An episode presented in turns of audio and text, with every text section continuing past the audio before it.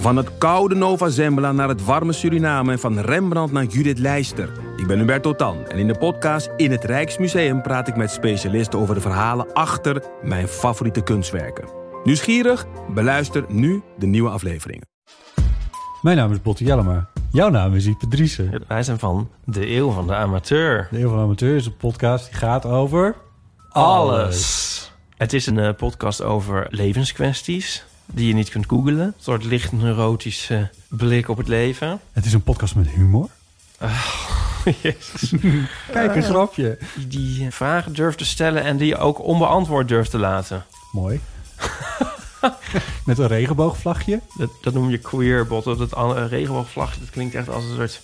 Eh, ik bedoel, iedereen is welkom. Kom ons luisteren Zo in je favoriete podcast-app. Hey, ik ben Pieter van Relaas. In Relaas hoor je waar gebeurde verhalen en die worden verteld door de mensen die ze zelf hebben meegemaakt. Elke maand organiseren wij vertelavonden in Gent en in Antwerpen. Maar in maart kwam dat coronabeest. En sindsdien mogen wij niet meer doen wat we de afgelopen vijf jaar maand na maand na maand gedaan hebben. Gezellig samenkomen met een man of dertig of veertig om samen te luisteren naar het schoonste wat de mens zichzelf ooit heeft geleerd, een mooi verhaal vertellen. Verhalen zetten ideeën in de wereld. Verhalen waarschuwen ons, verhalen geven wijsheid mee. Verhalen verblijden, ontroeren, maken ons kwaad en doen ons denken. En dus hebben wij geen seconde getwijfeld toen we op 13 maart in coronalockdown gingen. Vertellers laten zich niet stoppen door een virus.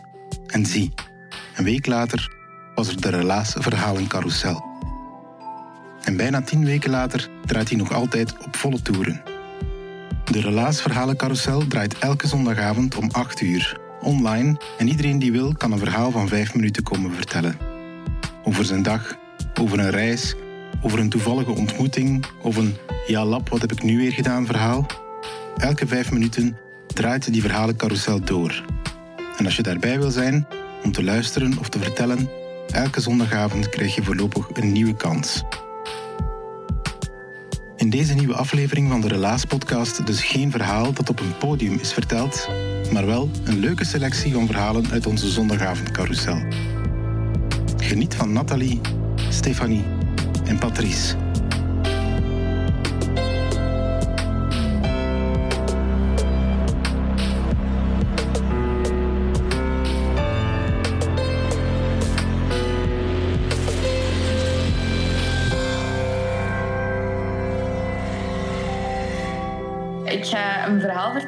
Een, eh, een random ontmoeting die ik heb gehad. Want ik zag eh, het eh, thema en ik dacht, oké, ik ben wel iemand die heel vaak random ontmoetingen heeft.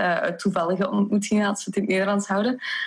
En ik was aan het denken, wat is mijn, mijn meest recente ontmoeting die mij toch wel is bijgebleven? En ik heb, ik heb een heel speciaal verhaal voor jullie dat echt uit een film lijkt te komen, maar het is echt wel mij, mij overkomen en het heeft wel een diepe impact op mij gemaakt. Ehm, en het, het, het, eh, het kwam toen ik op een moment eh, om drie uur s'nachts in het Hallepoortpark eh, was.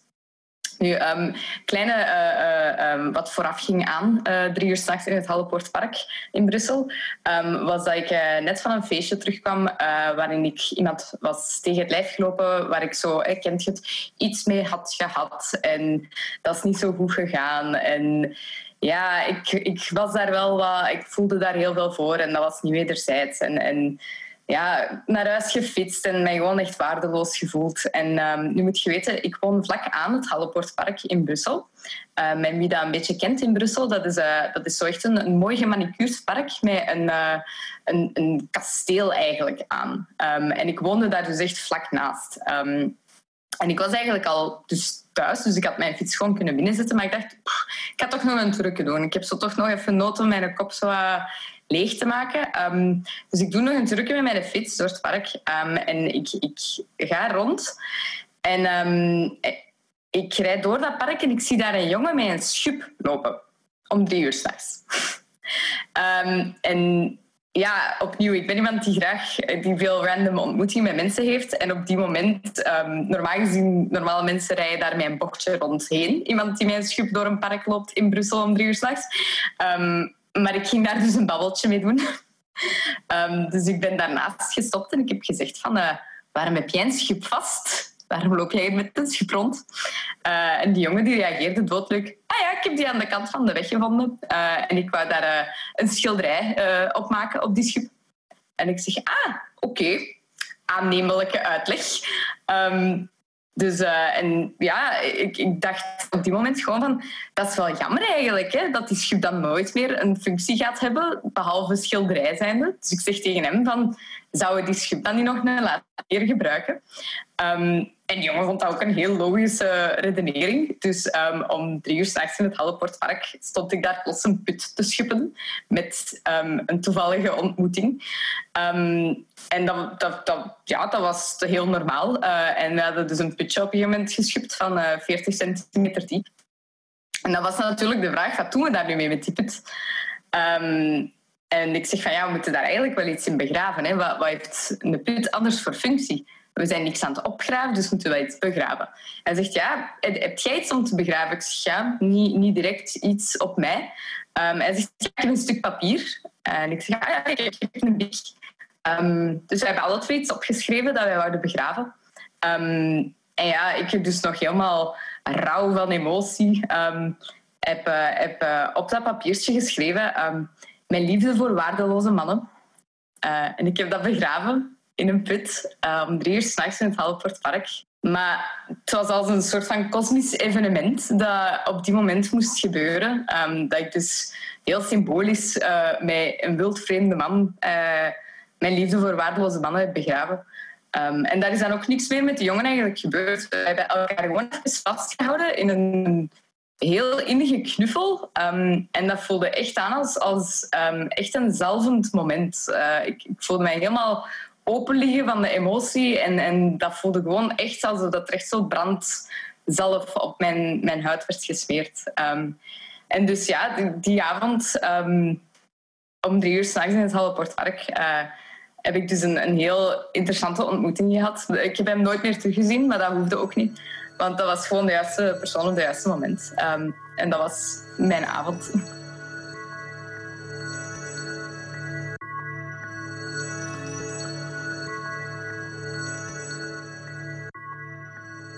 Um, ik heb mij eigenlijk niet echt aan het thema gehouden. Uh, ik had dat inderdaad zien passeren, maar ik zag dat het een suggestie was, dus ik heb dat uh, naast me neergelegd eigenlijk.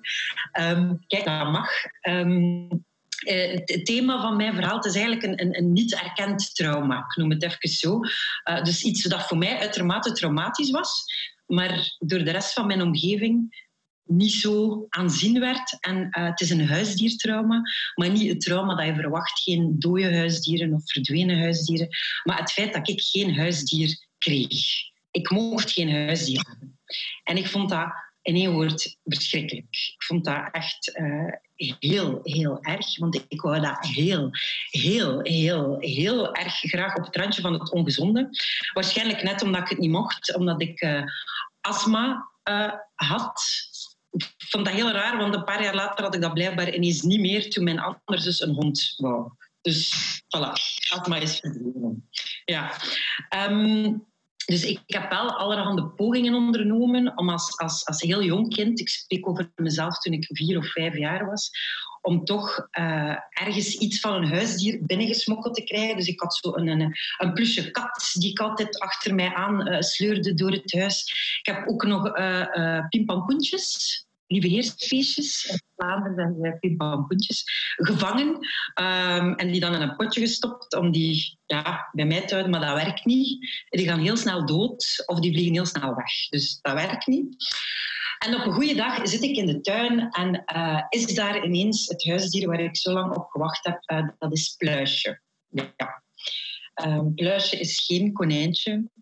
Pluisje is geen katje. Uh, nee, Pluisje is een pluisje een uh, paardenbloemenpluis. Voilà, ik was uh, heel pragmatisch in mijn naamgeving.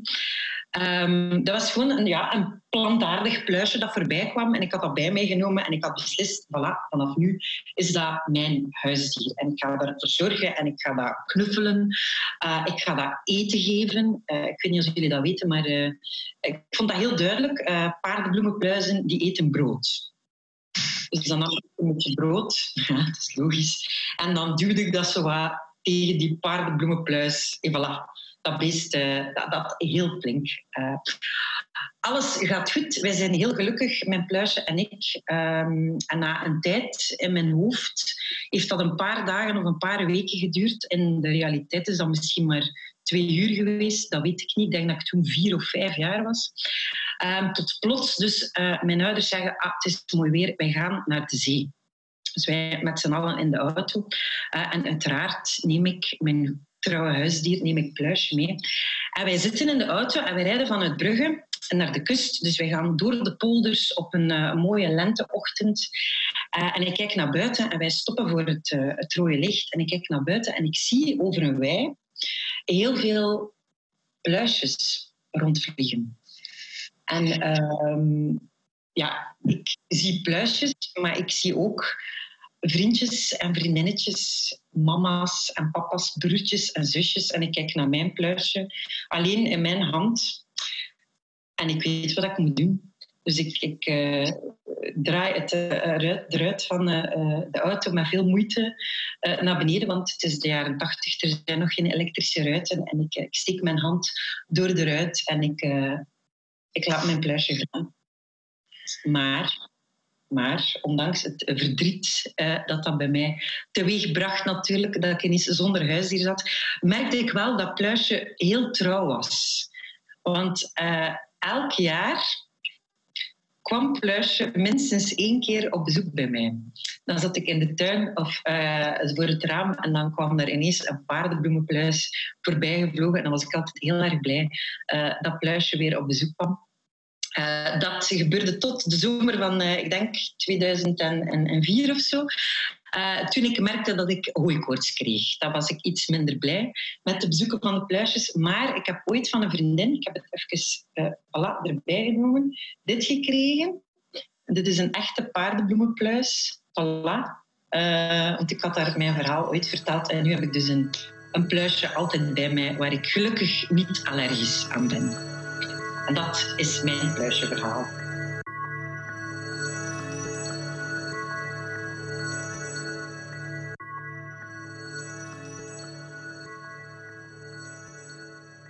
Ik uh, ga terug, uh, een hele tijd terug in de jaren 80. Uh, ik had mijn job opgezegd en uh, ik was geschorst van uh, de stempelcontrole. Um, en ik, ja, ik zat eigenlijk toch een beetje blut en was zo creatief aan het denken wat ik allemaal kon doen om mijn geld te geraken. En een van de dingen was naar het ziekenfonds gaan met een hele pak ziekenbriefjes van de laatste maanden dat ik daar gewerkt had. En dat ik me dan niet goed gevoeld had en zo. Dus voilà, ik naar het ziekenfonds. En ik kom daar aan het loket en die vrouw die zegt, ja juffrouw, ik was er een juffrouw nog, um, ik kan die niet uitbetalen, want je hebt al lang je ziekenfonds niet betaald. En uh, ik zei, ja, maar we kunnen dat niet aftrekken. Nee, nee, dat gaat niet. Um, dat was zo'n echt een administratieve. Je moet eerst betalen en dan geef ik het terug. Nu, ik woonde een heel stuk van dat ziekenfonds af. En uh, ja, ik zei, moet ik nu helemaal terug? Uh, nee, zegt ze, ik weet niet of dat je dat al gezien hebt. Hè, aan het Centraal Station in Antwerpen was dat toen. Daar is nu een Mr. Cash. Nu, ik had dat al gezien, dat ding, maar ik wist eigenlijk helemaal niet wat dat was. Ik zag er ook mensen aanschuiven en mensen dingen doen. En um, zo heel zachtjes aan, terwijl die vrouw er aan, aan, aan het vertellen was, valt mij een frank dat ik een brief gekregen heb van uh, de bank erover en dat er een nummer in stond en dat ik die nummer heb uitgeknipt en in mijn portemonnee gestoken. Um, maar ja, ik zeg het, ik had dat erin gestoken, verder niet meer aan gedacht. Ik had er duizend frank af, terug naar ziekenfonds, ik krijg mijn geld terug. En uh, ik ga terug naar Dynamister Cash. Nu, dat was heel iets anders dan nu. Maar ga ik terug? Ik, wou, ik had duizend frank afgehaald, ik wou die ook terugstorten, mijn budget een beetje uh, in evenwicht te houden. Hè. En, maar dat was heel anders dan nu. Dan moest je boven je kaart insteken en dan ging er zo'n schuifdeur open. En... Uh, je moest eigenlijk nogal rap zijn na uw berichting om je hand er terug uit te trekken, want die schuifdeur ging dan ook terug toe. En uh, oké, dus ik steek mijn kaart erin, die schuifdeur gaat open en uh, daar komt dan op storten of uh, afhalen. Ja, ik druk op storten. En dan krijg ik de melding van steek de biljetten met het briefje in de envelop. Nu, ik had biljetten, dat bestond ik natuurlijk wel. Een envelop had ik niet bij. Briefje, dat verstond ik niet. Dus ik dacht, ja, wat moet ik nu doen? Hè? Dus die klep die gaat open. Ik steek gauw die duizend frank erin. Die klep die gaat terug toe. Die schuifdeur gaat terug toe. Mijn bankkaart vloept eruit. En dan wil ik doorgaan en dan zie ik op mijn voet letterlijk een briefje liggen dat er ergens uitgesprongen was. Waarop stond, voeg mij bij de biljetten hè, um, bij mijn rekeningnummer. En ik dacht, oh my god, nu gaan die natuurlijk niet weten dat die duizend frank van mij is. Maar dat is niks, denk ik. Ondertussen stond er al tien man achter mij. Ik haal mijn duizend frank gewoon terug af. Dus ik kan op uh, afhalen. Uh, ik haal duizend frank af. En op dat moment besef ik, maar pas er natuurlijk niet mijn duizend frank er terug uitgekomen, het is maar een andere duizend frank. En dan denk ik, oké, ik stort nu die, deze duizend frank met het briefje van die vorige en dan het briefje dat ik nu ga krijgen, uh, ga ik terug in die schuif steken. Ondertussen stonden er al 15 man achter mij. Dat is ja, de Keizerlijn Antwerpen, de drukke straat, dan vlak bij het station. Hè, um, er al aan zuchten en aan het kreunen en aan kuiven, um, dat dan niet vooruit ging. Oké, dus ik zal er met die duizend frank terug op storten. De dingen openen, terug op storten. Uh, maar nu had ik natuurlijk geen, uh, nog altijd geen envelop. Dus ik kijk grap in mijn sakos. Ik haal er een plastic zak uit. Ik steek die duizend frank erin. Die twee briefjes met bewijs van storting. Ik doe er een goede knoop in en ik stop dat in die schuif. En die schuif die maakt zo een lawaai gelijk een hond die een te groot stuk vlees binnenkrijgt. En dan gaat ineens die schuifdeur toe en mijn bankkaart vlopt eruit. Achter mij natuurlijk een hoop, een gekijf, zeker die mensen vlak achter mij. Nu, Schoe, ik kom thuis. Ik, uh, ik, allee, heel dat dingen draai ik terug voor mijn kop af. En ik ben er toch nog altijd niet zo gerust in of dat nu allemaal duidelijk is dat dat mijn geld is. Dus um, de volgende dag, ik naar de bank met een klein hartje. En uh, ik leg dat er, allee, ik kom er binnen in die bank. En het eerste wat ik daar zie is mijn plastic zak zo helemaal in stukjes gevreten, gescheurd eigenlijk. Um, en ik begin dat verhaal eruit te leggen, maar ik denk, ik ga niet over mij spreken, ik ga over mijn man spreken. Dus ik, ik zeg, ja, mijn man is hier gisteren geweest en, en die heeft een plastic zak. En, ik leg, en die mens die een antwoord niet, die komt gewoon achter zijn loket uit. En die zegt, kom eens mee, madame, uh, juffrouw Kewaste, uh, kom eens even mee. Ik ga u daar, want die zijn nog altijd juffrouw, hè, dat ik toen niet bij stilgestaan heb. Um, kom eens even mee, ik ga u een keer wijzen waar dat die enveloppen zijn. En ik zeg nog altijd, maar ja, dat is mijn man is hier staan, maar niks aan te doen. Die mens moest mij mee naar buiten tronen naar die Mr. Cash.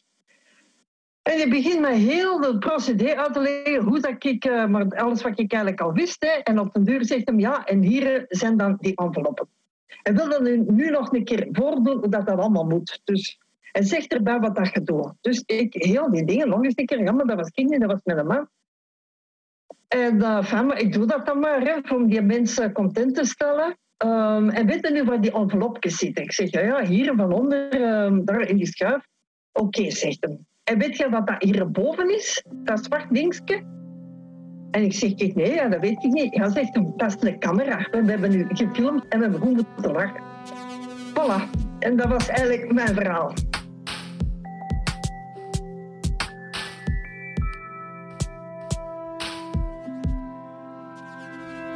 Dit waren de carouselverhalen van Nathalie, Stefanie en Patrice. Ze hebben ze verteld op onze wekelijkse zondagavond Verhalencarousel online. Als je daarbij wil zijn, ga eens kijken op onze website of op Facebook. Daar vind je zeker een link om erbij te komen. Relaas bestaat dankzij de afdeling cultuur van de Vlaamse gemeenschap en van de stad Gent. En dankzij jullie. Jullie blijven trouw luisteren naar onze podcast en daar zijn wij bijzonder fier op. Een paar dagen geleden hebben we de kaap van 1 miljoen luisteraars gehaald. En daarvoor 1 miljoen keer bedankt.